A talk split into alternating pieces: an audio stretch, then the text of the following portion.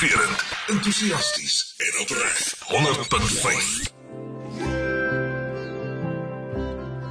You need to know where your, your children uh, uh, uh, spends time um, and with whom. Because yesterday I was at uh, a shopping center at Dysenza, and then there was this child. She's she's ten, and I couldn't just let her go. Yes, because it was past five, and I was with my husband, and we were like, "And what are you doing here?" And she showed me. Um, a, a packet of coins full of coins she's she says um she's she always comes here and and asks for donations because she stays with her grandmother her mom stays with a boyfriend she doesn't take care of them and she had um um a parcel number where you keep your parcels. So, and then I went with her to that shop, and then she came with um, a packet of meat. She said, um, "With the money, I, I I- I managed to buy this for us so that we can eat." tonight and that that really broke my heart Yeah. so we had to take her home me and Douglas so Oh, your husband Um, must be a very soft-hearted man. Yeah, but it's crazy to think that there are, and, and it's the reality, um, not just in Masoyi, but you know across Everywhere. South Africa and across all the places we work. Certainly, where um, you know we have nine, ten-year-old children that are. I don't want to say the breadwinner of their family because they're not. They don't have a job, but they are begging for the money. They are providing the food, and I mean, it's ridiculous to think that that a ten-year-old has to bear that kind of a responsibility. I mean, it's really sad.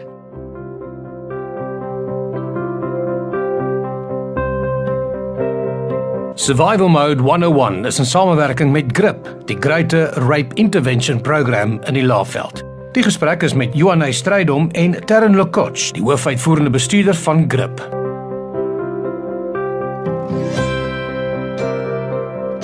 Jy's terug by nog 'n episode van Survival Mode 101.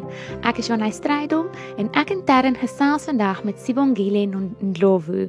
Sy is in beheer van die Hearts Not Hands program by Grip.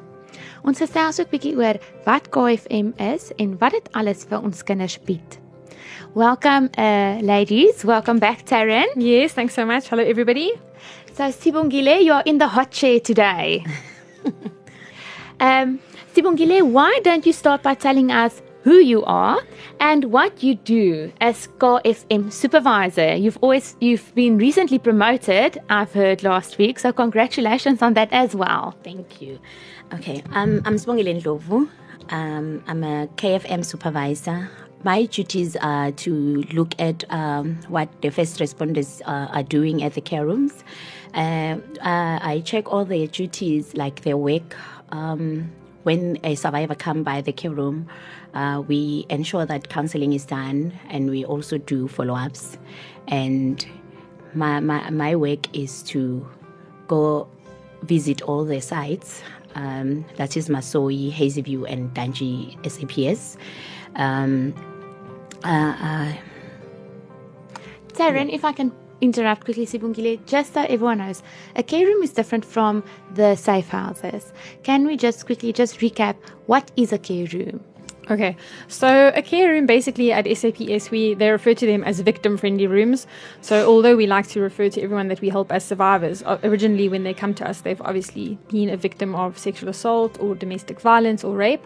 Um, and so a care room is basically a private room um, at SAPS where there is group of first responders available, and um, you can give your statement in private. We can make you like a nice cup of tea or coffee, make you feel comfortable, um, but it's separate from the hospital. uh, Separate from the hospital, sorry, separate from the police station, so that you don't have to report your case in front of anybody else. It's nice, it's confidential, and we can help you and make you feel, you know, comfortable. So, Sibongile, if I understand you correctly, you are overseeing all of those care rooms. yes. And can you just re- just again say where they are? It was Hazyview, Daantjie, And Masoyi, and Masoyi. And those are the care rooms you are in charge of. yes. And then um, when a family does come to the care room and you see it's unsafe for them, unfortunately, to return home, let's say mommy was a victim of domestic violence, um, you feel in your heart you can't send them back. What do you do? Okay. Um, like I was saying, we, we check them within four days. So if we find that the, the, the survivor needs a place of safety, we, we, we liaise with the police, we help them, we remove them to a place safe house, and then it could be our shelter or a neighbor's house or a relative. So yeah, that we only get on when we do the follow four days follow up. But when he, she comes and we see that really it's it's needed for her to be removed, we do it immediately. We take her to a safe place. And then um, the families who do, oh, the family members who do go back home, do you follow up on them? Do you check in on them again, or how does it work? Yes, we do. We do have uh, uh, four days, uh, one month, and three and six months. So within those months, we, we check on them. We don't just leave them as they come back from the shelter. When they go back home and be reunited with the perpetrators, some, because sometimes they go back where they, they were violated. So we, we check whether it is safe. If it, if it is, and then we will we'll continue checking them and ensuring that uh, they are they are okay. And then, um, Tarryn, you've said um, a big one of your biggest sponsors are the KFM. What do you call it? So yeah, so Sorry. It's, yeah, so it's KFM. Take it over. so yeah, so it's KFM, so it's Kinderfonds Mamas, and they are a Netherlands um, organization, a wonderful organization. Um, so they've got a Mamas Alliance where they support over 50 um, organizations um, in South Africa, um, and they are mainly focused on children. So they have programs um, with schools, um, educational programs, um, programs where people, um, you know, like houses that um, safe havens for babies, um, all of that kind of thing. And um, they've been supporting Grip now for a number of years. Um, so their focus is mainly on children. And so with the funding we receive from Kinderfonds Mamas, we try to um, focus our efforts not just on having a presence in the police station, um, but actually making a difference to the lives of the children that are affected by um, gender-based violence um, in South Africa. and you also have camps that you do with the kids. Yes, What are those camps called? Heart but not hands. the Hearts Not Hands camp. Yeah, so we introduced a program called Hearts Not Hands last year, also using KFM funding. And the idea of the program is to decrease intergenerational violence. So, um, what we do is we take um, children that um, their moms have reported sexual violence or domestic violence at some of our police stations. Um, we contact the the moms, we get um, hold of the caregivers, and um, we invite the, the children to to our camp. Um, So these camps are for kids who have been survivors of domestic violence. They've been in a situation like that. They've come to grip. So these are the children that you know, and you host them. Yeah. So sometimes it's the children that we know, but often it's the children of survivors that we've helped because we realize that, you know, if a woman is experiencing domestic violence at home, it's not only her that's being affected by the domestic violence, the children are also um, very affected. And it's something that we, we looked at and we thought, you know, there's a bit of a gap in our program. We are helping many women, um, but what about the kids at home who have been affected by seeing what's happening to mommy at home? We need to help them too and make sure that this pattern of violence doesn't continue. And uh, Sibongile, how old are the kids attending these camps? We take from 10 to 18 years, uh, both genders. And then, um, how many camps a year do you host? Uh, it's four per year, so it's one per quarter. And we, we gather a group of 30 children per camp. Oh, that's a lot of kids to to watch. and then, where do you host the camps?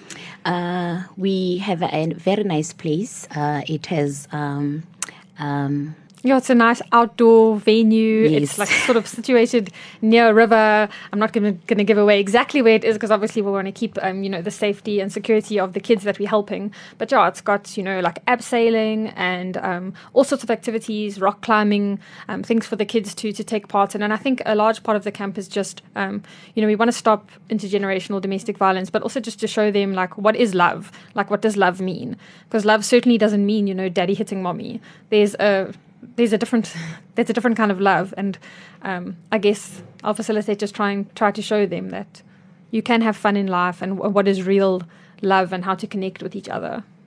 And Sibongile, where do you get your uh, facilitators from? They are from GRIP. We were trained by our, our CEO, and we also use a manual that was uh, compiled by her. And then what do you do at the camps? Um, when we get there, we we have icebreakers, and like as I was saying, we we using the the a structured manual. So we have icebreakers, and then we we we get we divide the kids into groups. As like I was saying, we we we get a group of thirty ki- children, so we divide them amongst not uh, all ages. Okay, yeah.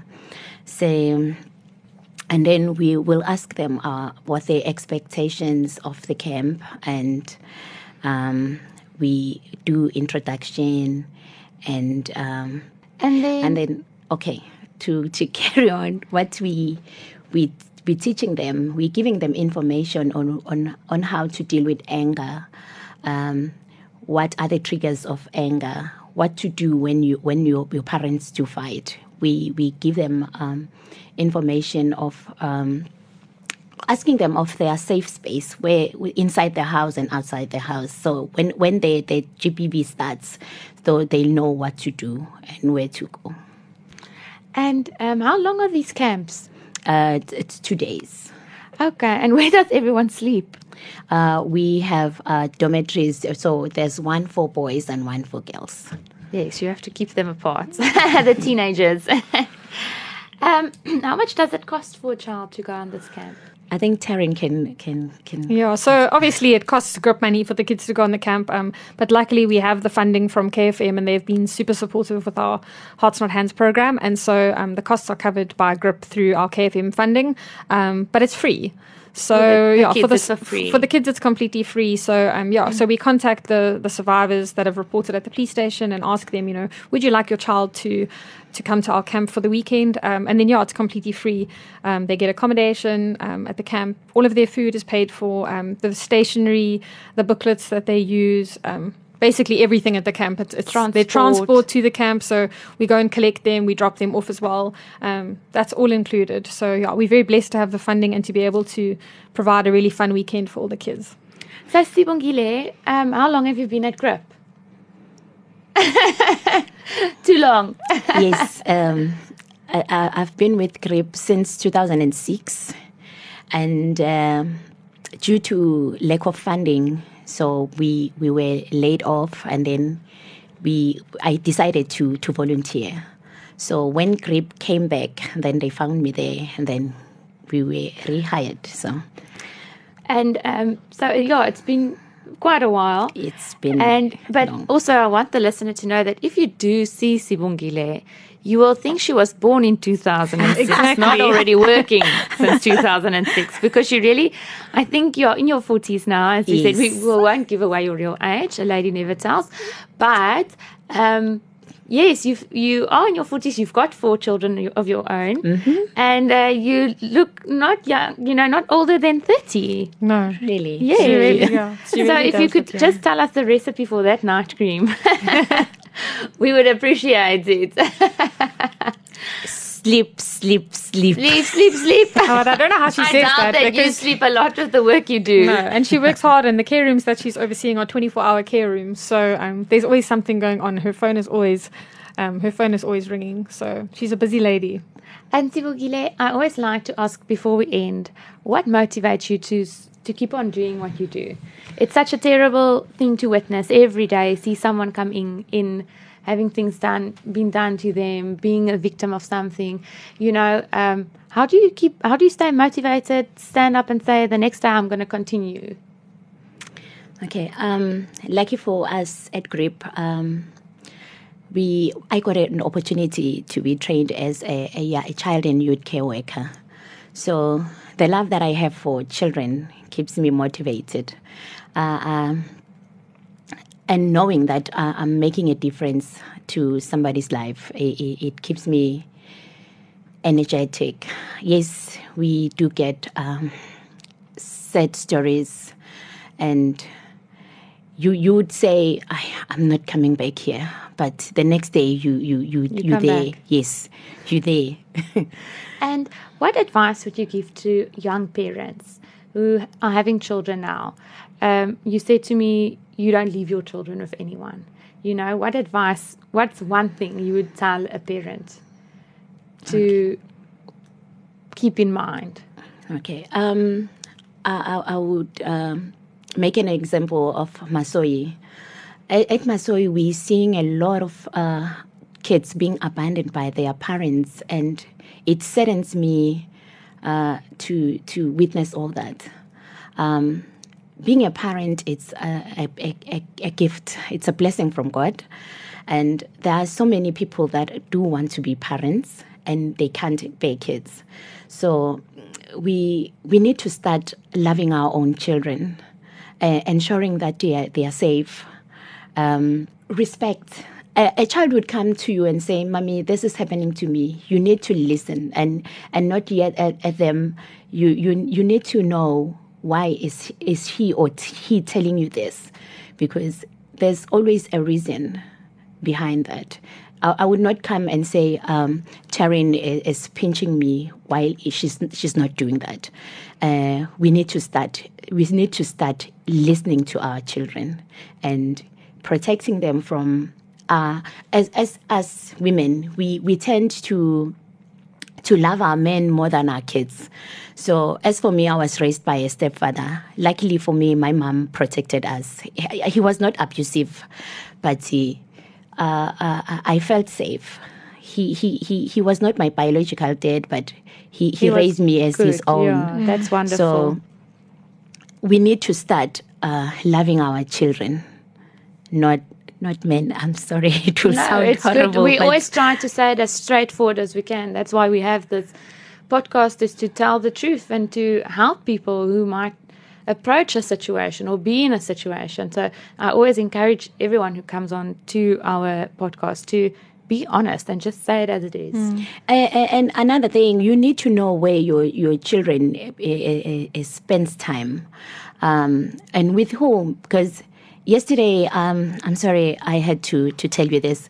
Yesterday, I was at uh, a shopping center at Dysenza, and then there was this child. She's she's ten, and I I couldn't just let her go. Alone, yes, because it was past five, and I was with my husband, and we were like, "And what are you doing here?" And she showed me. Um, a, a packet of coins full of coins she's she says um she's she always comes here and and asks for donations because she stays with her grandmother her mom stays with a boyfriend she doesn't take care of them and she had um um a parcel number where you keep your parcels.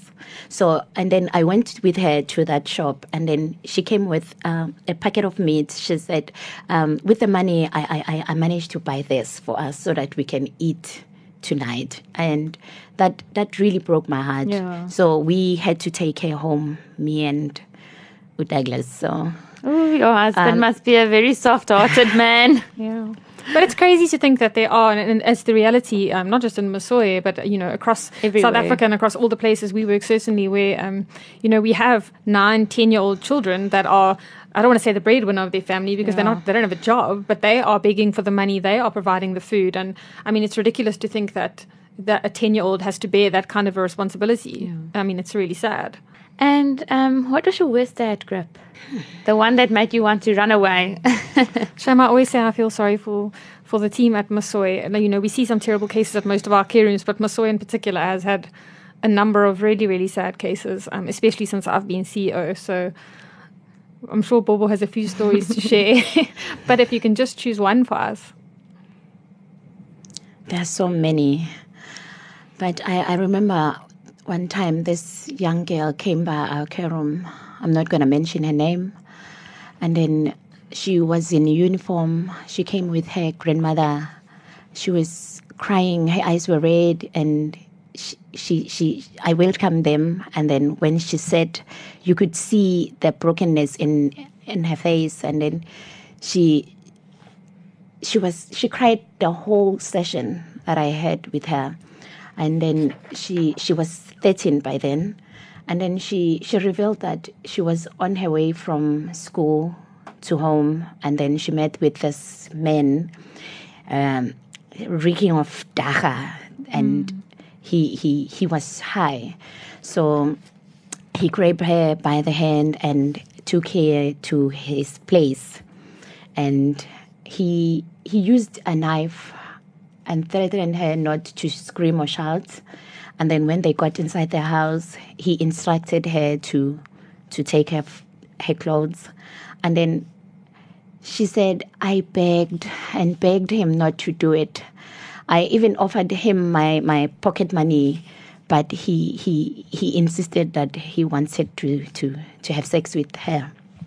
So,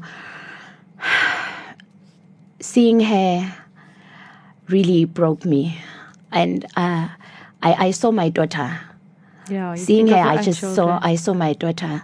I, I, I was in her shoes. I was like, oh, okay. I, I understand that men, men, some men have no mercy, and that was a child. He he could have um, respected that.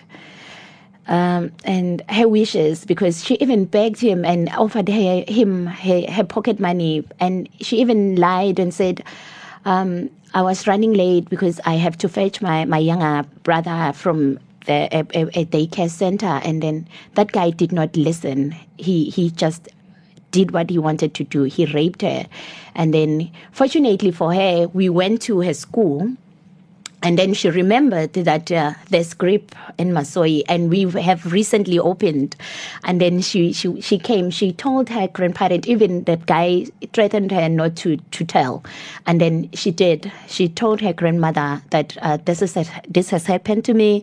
And then on her way to the police station, they saw that guy. He was sitting with his friends. They were busy smoking dagga, and then still wearing the same clothes. And then they went to the police station, and then they reported the, the case. And then he was arrested on that day.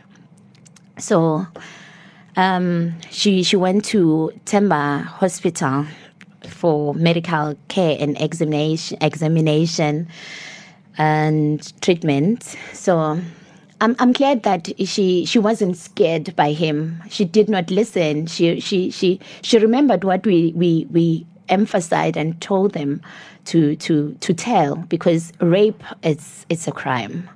Even if a, a person tells you that I, I know where you stay, I know your parents or your grandparents or your relatives will, will will come and kill you, but she she was not shaken by that. She she went and and reported the case. So for me, it, it shows that um, whatever information we share with people out there, they do listen. And even though the rape occurred, but she managed to get help. So it was, even though it's a terrible thing that happened, it was still a win at the end Mm-hmm. because she came to you and you could assist her. And then your best day, your best day at Grip. Do I have best days at Grip? I'm sure you do. really? um, promotion. Your promotion as supervisor. well, I would also be very No, excited for no, that. I'm joking. it's one of my best. No, but Bobo's very instrumental in the in the community with with helping families. Uh, she's one of the one of the staff members that frequently WhatsApps me to say she needs to go the extra mile for a family and do I have food? And do I have blankets? And is there clothing? And you know what it, it's wonderful that we are able to help people in the community. So as much as you're saying is there a best day at grip there's many best days at grip because um, yeah Bobo's managed to touch many families um, yeah you were involved Joanna in helping one of the families lately I didn't do a lot, man. Yes, you did. So there was a family recently where um, it was really sad. Their um, their house burned down, and they had nothing. And um, Bobo reached out to me and said, like, how can we as Grip help? And um, yeah, I'm now using UNA to debrief. so I shared some of the story with with UNA, and she um, donated a whole bunch of clothing and stuff. And we managed to get some food and some blankets and everything. And now the family is um, is safe. They've got somewhere to stay, and they've got groceries for the month and clothing. So there's many best days, Bobo, and you do a great job.